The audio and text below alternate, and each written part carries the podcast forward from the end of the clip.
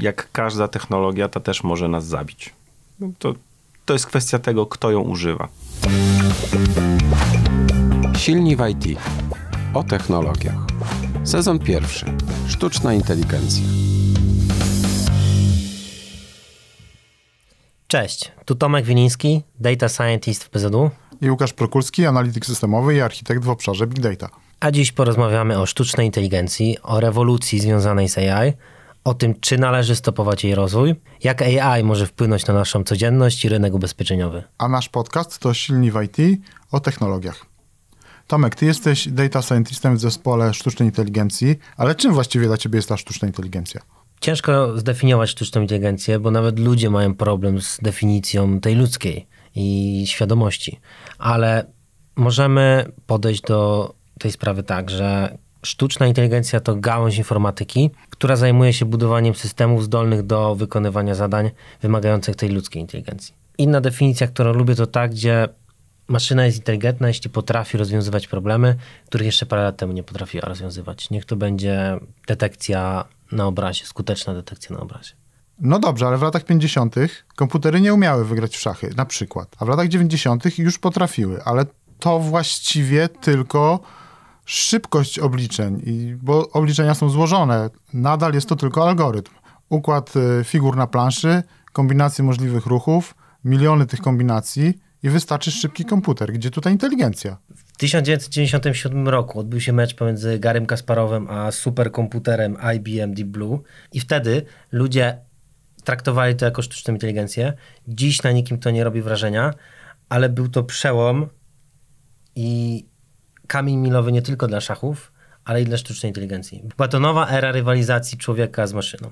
Ale nadal ciągle ta rywalizacja po stronie komputera to algorytm. Szybsza maszyna, szybciej wygrany mecz. Gdzie sztuczna inteligencja? To może zostaniemy w klimacie gier strategicznych, bo za jedną z najtrudniejszych gier strategicznych na świecie uważa się, że jest to gra Go.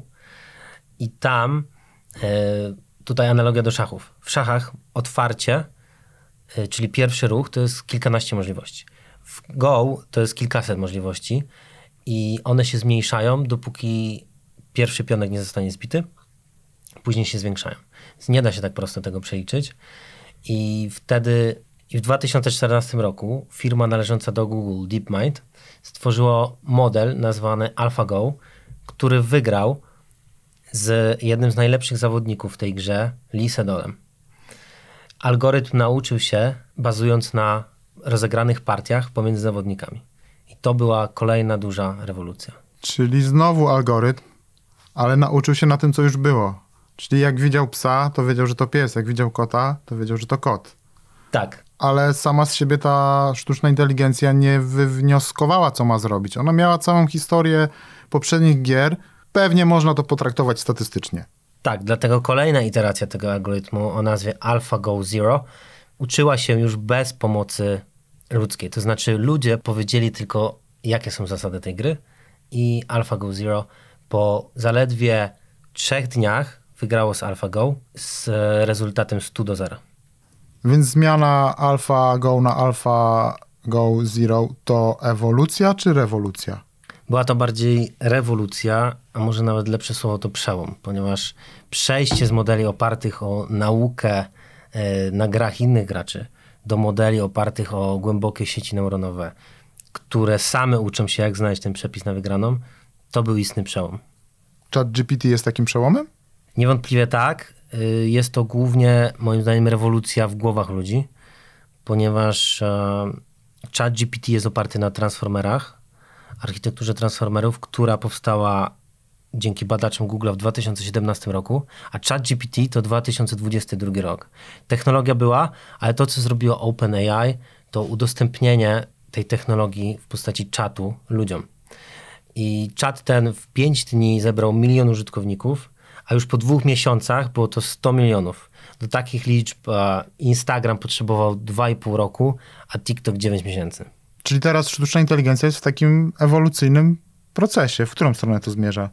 Do tej maszyny inteligentnej, tak jak człowiek? Myślę, że taki jest cel dzisiejszy wielu badaczy zajmujących się AI, a raczej AGI. Jednak dziś mamy wąskie sztuczne inteligencje.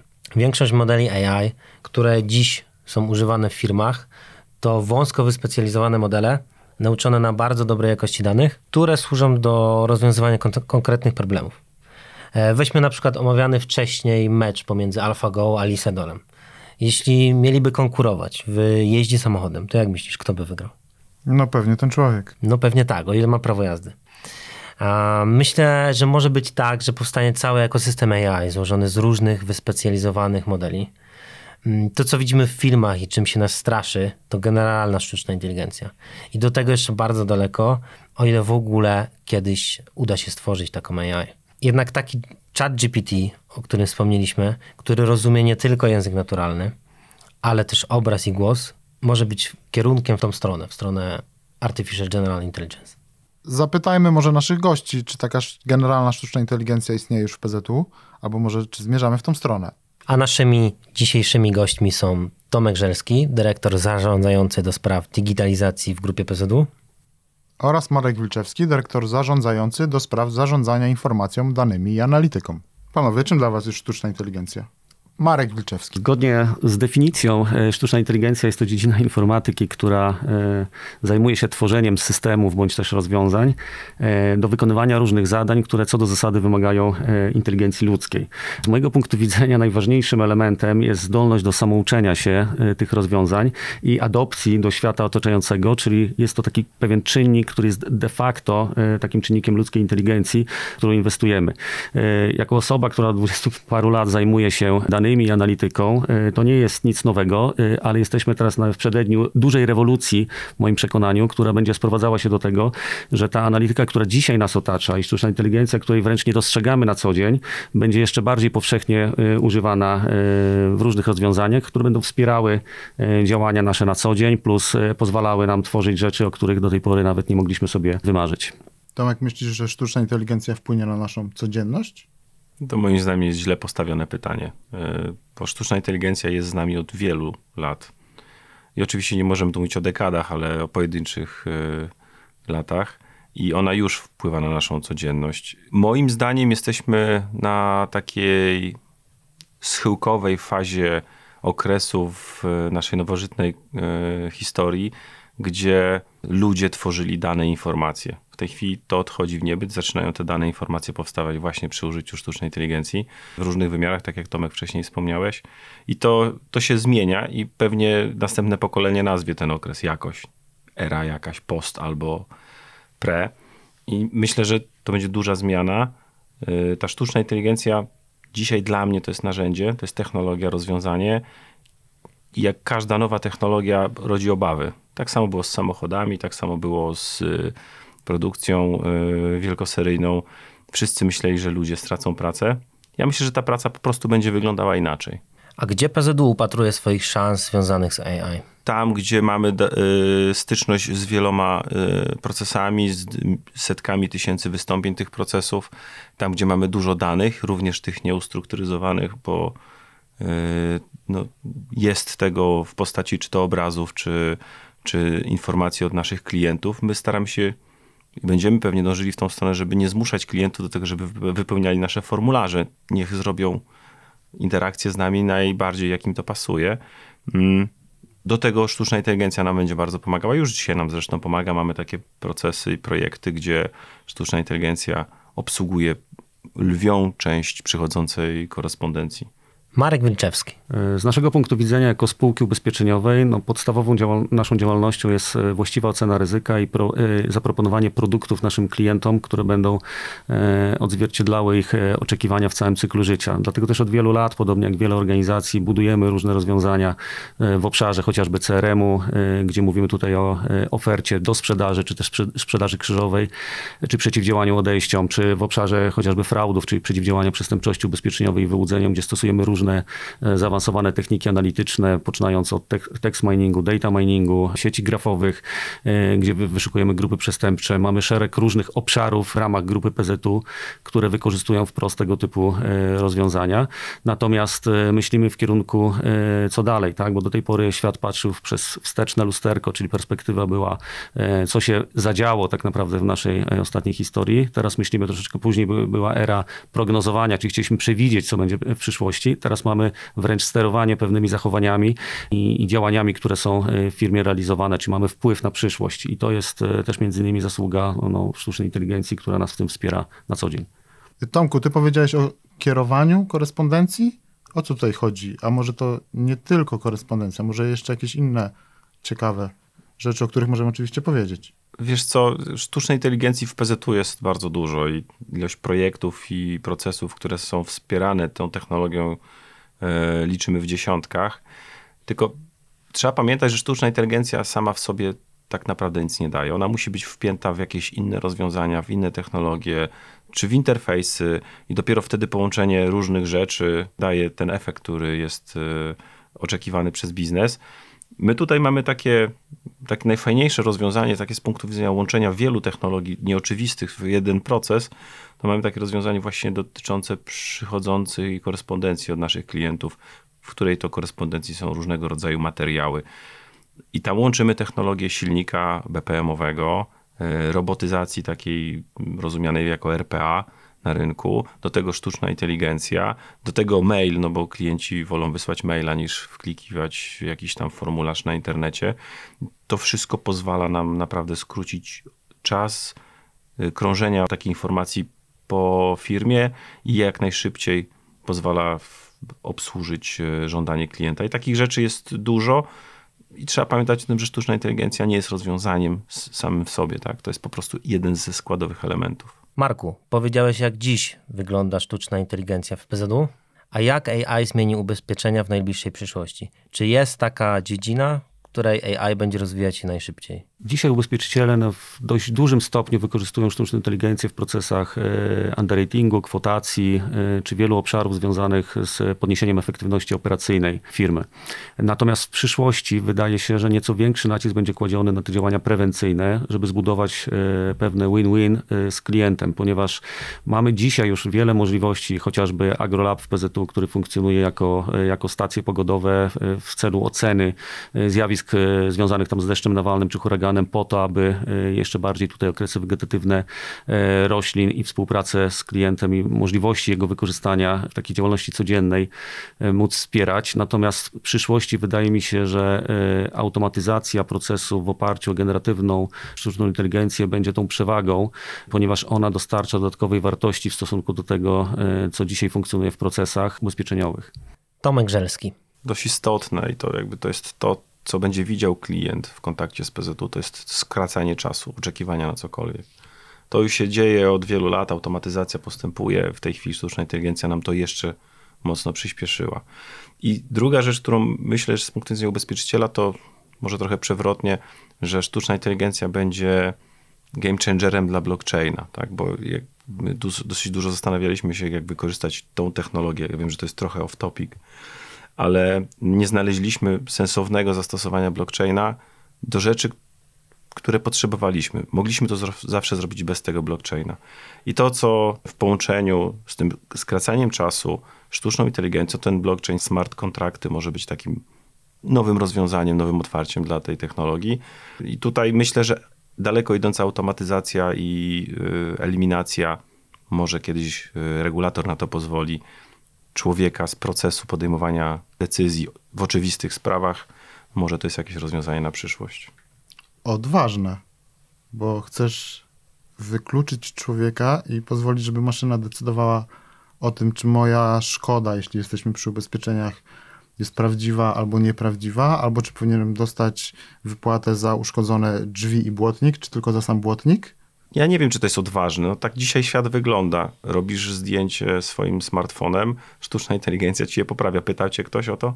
No robię to chyba trochę intencjonalnie. Chcę, żeby tak było. I chcesz zlikwidować szkodę. Tak, ale podobnie może być w przypadku kredytu na przykład w banku. To gdzieś jakaś sztuczna inteligencja uważa, że jestem godzien dostać kredyt bądź nie? To jest coś innego trochę, bo my tu mówimy o przyspieszaniu procesów i o tym, żeby klient był zadowolony. Mówimy o likwidacji szkód na przykład a już AI Act, który się pojawił na horyzoncie, mówi o tym, że sztuczna inteligencja nie może być e, decydentem w przypadku odmowy świadczenia jakichś usług. Tam jest oczywiście mnóstwo mądrych rzeczy napisanych i to trzeba się nad tym pochylić, żeby to zrozumieć, ale ustawodawca chcę doprowadzić do takiej sytuacji, żeby nie było e, zdarzeń, gdzie kogoś wykluczamy automatycznie. To musi być świadoma decyzja człowieka. Tomku, wspomniałeś o AI akcie. Czy dziś potrzebne nam są bardziej regulacje czy deregulacje? W obszarze sztucznej inteligencji chyba nie ma regulacji. Przynajmniej ja się z taką nie spotkałem i uważam, że powinniśmy jakieś mieć. Czy to, co przygotowuje AI Act, y, jest dobre, tego dzisiaj trudno mi ocenić. Mam tylko taką nadzieję, że Europa nie stanie się skansenem technologicznym. Ja bym powiedział, że jak w każdym tego typu pytaniu potrzebujemy pewne, pewnej symetrii. Tak? I uważam, że powinny być i regulacje, i deregulacje. Regulacje w obszarach, które są naturalnie związane z bezpieczeństwem, prawda, ocena, nie wiem, dane medyczne, dane finansowe, e, kwestie wykorzystania tego chociażby, nie wiem, w zbrojeniach, czy w automatycznym e, poruszaniu się pojazdów, prawda, to jest ewidentnie wymagające bardzo ścisłego regulowania. Natomiast z drugiej strony, żeby nie tłumić innowacji, pomysłów i rozwoju technologii, potrzebujemy pewnego deregulowanego rynku, e, szczególnie w kontekście takim, że to jest globalne już w tej chwili przedsięwzięcie, prawda? Więc wiele krajów posiadając różnego rodzaju regulacje, no, w naturalny sposób by było e, w jakiś sposób skonfliktowane, tak? I chodzi o to, żeby otworzyć to i wypracować taką formułę współpracy i działania, żeby ona była otwarta również na rynku globalnym, tak żebyśmy tutaj mieli e, bardzo podobne podejście tak naprawdę do tego typu rozwiązań, gdzie Tomek wspomniałeś o dyskryminacji, jak najbardziej tak, to jest element wykluczający i w żaden sposób nie powinien być e, tutaj nadrzędny w stosunku do działań, które my wykonujemy. Natomiast czy dojdziemy do pełnej automatyzacji? Jeżeli o tym myślimy, a tak pewnie będzie wielu dziedzinach, to niewątpliwie musimy ten rynek regulowany w jakiś sposób e, optymalny zdefiniować. Marku, a tu i teraz, ty jako człowiek zarządzający obszarem informacji, danych i analityki, czy my w PZU mamy jakieś regulacje, mamy jakieś sztywne zasady, których nie możemy przekroczyć i które nie są związane właśnie z jej aktem albo z jakimiś ustawami i tego typu regulacjami prawnymi obowiązującymi w Polsce? E, to jest dość nowa dziedzina, jeśli chodzi o analitykę czy analytics governance.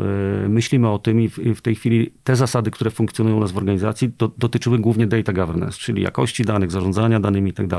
Wiadomo, że nawet najlepsze modele analityczne czy techniki analityczne, które stosujemy w ramach sztucznej inteligencji, no nie będą dawały dobrych wyników, jeżeli ta jakość danych będzie niepełna albo niewłaściwa.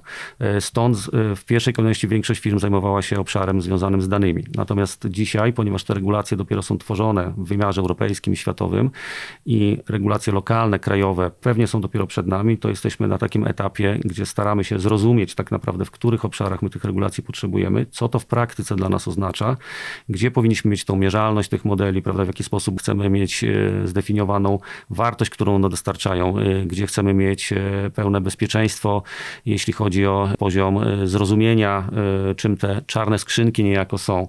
Więc tutaj w tym obszarze będziemy współpracowali bezpośrednio z obszarem Tomka, ale też biznesem szeregiem różnych obszarów po to, aby, aby to w sposób właściwy tutaj w grupie, w grupie PZU zdefiniować. Ja bym tylko dodał jeszcze do tego, bo Marek mówił o danych, data governance, ale takich regulacji u ubezpieczyciela jest więcej niż w przeciętnej firmie, bo oczywiście wszyscy mamy RODO, część z nas y, na rynku finansowym ma KNF, my mamy jeszcze ustawę o ubezpieczeniach i po to, żeby o tym nie myśleć w takim y, codziennym działaniu, że to jest jakaś rzecz, która nas obciąża i powoduje, że nie możemy wielu rzeczy zrobić.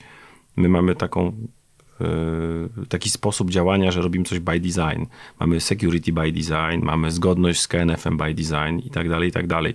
Więc zaczynając robić jakąś rzecz, już wiemy, że to musi być zgodne z regulacjami, a później to jest po prostu realizacja y, projektów technologicznych, które mają dostarczyć biznesową wartość. Tomku, nazwa naszego podcastu to Silni w IT. A czy PZU czuje się też silne w AI? Myślę, że to dobrze nas e, definiuje we wszystkich technologiach, których używamy.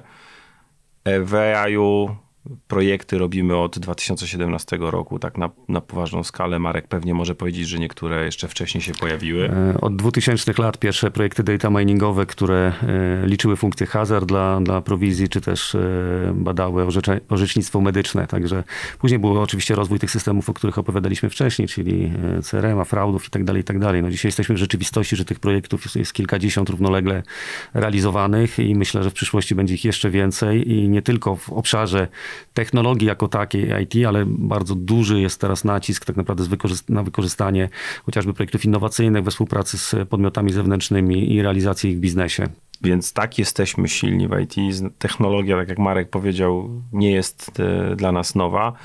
Ja myślę, że ważne jest to, że mądrze używamy tej technologii i nie wrzucamy AI wszędzie tam, gdzie, gdzie można, tylko tam, gdzie ma to sens. I to jest chyba najważniejsze, bo wiele rzeczy, z którymi przychodzi do nas biznes, nasi koledzy z biznesu i koleżanki, to są rzeczy, które można zrobić bez tego komponentu AI, bo on jest drogi. On naprawdę dużo pomaga, ale on kosztuje dużo yy, i trzeba racjonalnie wykorzystywać ten potencjał, który posiadamy, a posiadamy duży potencjał. Niedawno uruchomiliśmy GPT Lab. Moim zdaniem to jest jakby też kwintesencja tego, jak bardzo my jesteśmy dostosowani do tego, żeby nowe technologie absorbować. No i wydaje mi się, że jeszcze niebagatelną przewagą naszej grupy PZU są dane. Tak? My od wielu, wielu lat te dane gromadzimy. To jest ponad 25 lat historii.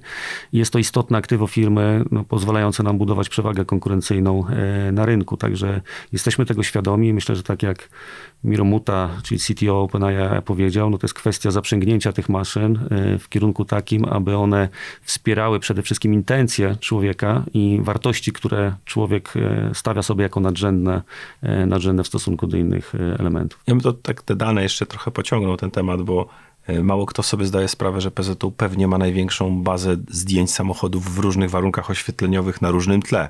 I to jakby na rynku, y, na którym funkcjonujemy, po prostu nie ma takiej bazy drugiej i w internecie też nie ma takich zdjęć, bo przecież w internecie są zdjęcia robione przez specjalistów, stylistów, fotografów i tak dalej. Więc to jest duża rzecz. Natomiast to, co jeszcze się zmieniło w ostatnim czasie, jeżeli chodzi w ogóle o technologię, to jest to, że 5 lat temu co chwilę ktoś mówił, ile to zetabajtów czy tam petabajtów danych wygenerowała ludzkość. E, teraz ja przygotowując się do tego podcastu chciałem zobaczyć, ile teraz tych danych jest albo ile będzie i to nie jest prosta informacja do wyciągnięcia w tej Bo chwili. Bo w każdej sekundzie się to zmienia. To prawda. Mówi się, że w 2025 roku będzie tam 180 zetabajtów danych, tylko na nikim nie robi to wrażenia, bo już nikt nie ma zamiaru tego czytać. To sztuczna inteligencja będzie mieliła te dane i coś z nich wyciągała. No i dlatego ta spójność informacyjna na koniec jest e, kluczem tak naprawdę do osiągnięcia sukcesu, bo bez tego wygenerujemy sobie tylko chaos informacyjny. Tak? I nawet sztuczna inteligencja będzie miała problem, żeby to zrozumieć. Skoro mamy tak dużo danych w PZU, co może nie jest tak istotne w porównaniu z tym, co powiedział Tomek o przybywających z sekundy na sekundę zetabajtach danych i tak jak powiedział Marek, sztuczna inteligencja potrafi albo za chwilę będzie potrafiła wyłuskać coś konkretnego z tych informacji, to powinniśmy się bać tej sztucznej inteligencji. Przyjdzie ten mityczny Arnold Schwarzenegger jak w Terminatorze i nas tutaj będzie chciał wykończyć? Czy era post-AI to będzie takie post-apo? Po pierwsze Arnold Schwarzenegger był tylko aktorem i to jest jakby bardzo ważna rzecz, a Terminator to już jest wytwór człowieka. I myślę, że jak każda technologia, ta też może nas zabić. To, to jest kwestia tego, kto ją używa. I powstało wiele tysięcy, czy tam nie wiem, milionów, nie znam się na tym, głowic nuklearnych i na, jak na razie post-apo jesteśmy tuż przed. Mam nadzieję, że nigdy nie będziemy tuż po. Ten czerwony przycisk jeszcze nigdy nie został naciśnięty w takiej skali, która by nas zmiotła. I sztuczna inteligencja jest narzędziem. I jak każde narzędzie można użyć rozsądnie i nierozsądnie. I trzeba pamiętać, że to ludzie wytworzyli sztuczną inteligencję, to ludzie ją będą uczyli, to ludzie będą jej pozwalali albo nie na robienie dobrych lub złych rzeczy. Nic więcej. Czyli sami sobie gotujemy ten los. A na koniec tak naprawdę liczy się ta świadomość i odpowiedzialność, za którą my wszyscy jesteśmy niejako współodpowiedzialni, żeby w sposób właściwy tej technologii, tej sztucznej inteligencji używać e, w naszej codzienności. A jakbyśmy chcieli na kogoś zwalić tak naprawdę, to możemy zwalić na tego, kto wymyślił energię elektryczną. Nie? Jak nie będzie prądu, to nie będzie sztucznej inteligencji, po prostu. No. I niech to będzie puenta naszego odcinka. A naszymi gośćmi dziś byli Tomasz Żelski, dyrektor zarządzający do spraw digitalizacji w PZU. Dziękuję. Oraz Marek Wilczewski, dyrektor za zarządzający do spraw zarządzania informacją, danymi i analityką. Dzięki bardzo. Jeśli mielibyście jakiekolwiek pytania, piszcie do nas na LinkedIn. Dziękujemy za uwagę i do usłyszenia w kolejnych odcinkach. Zapraszamy do wysłuchania pozostałych odcinków naszego podcastu Silni w IT o technologiach.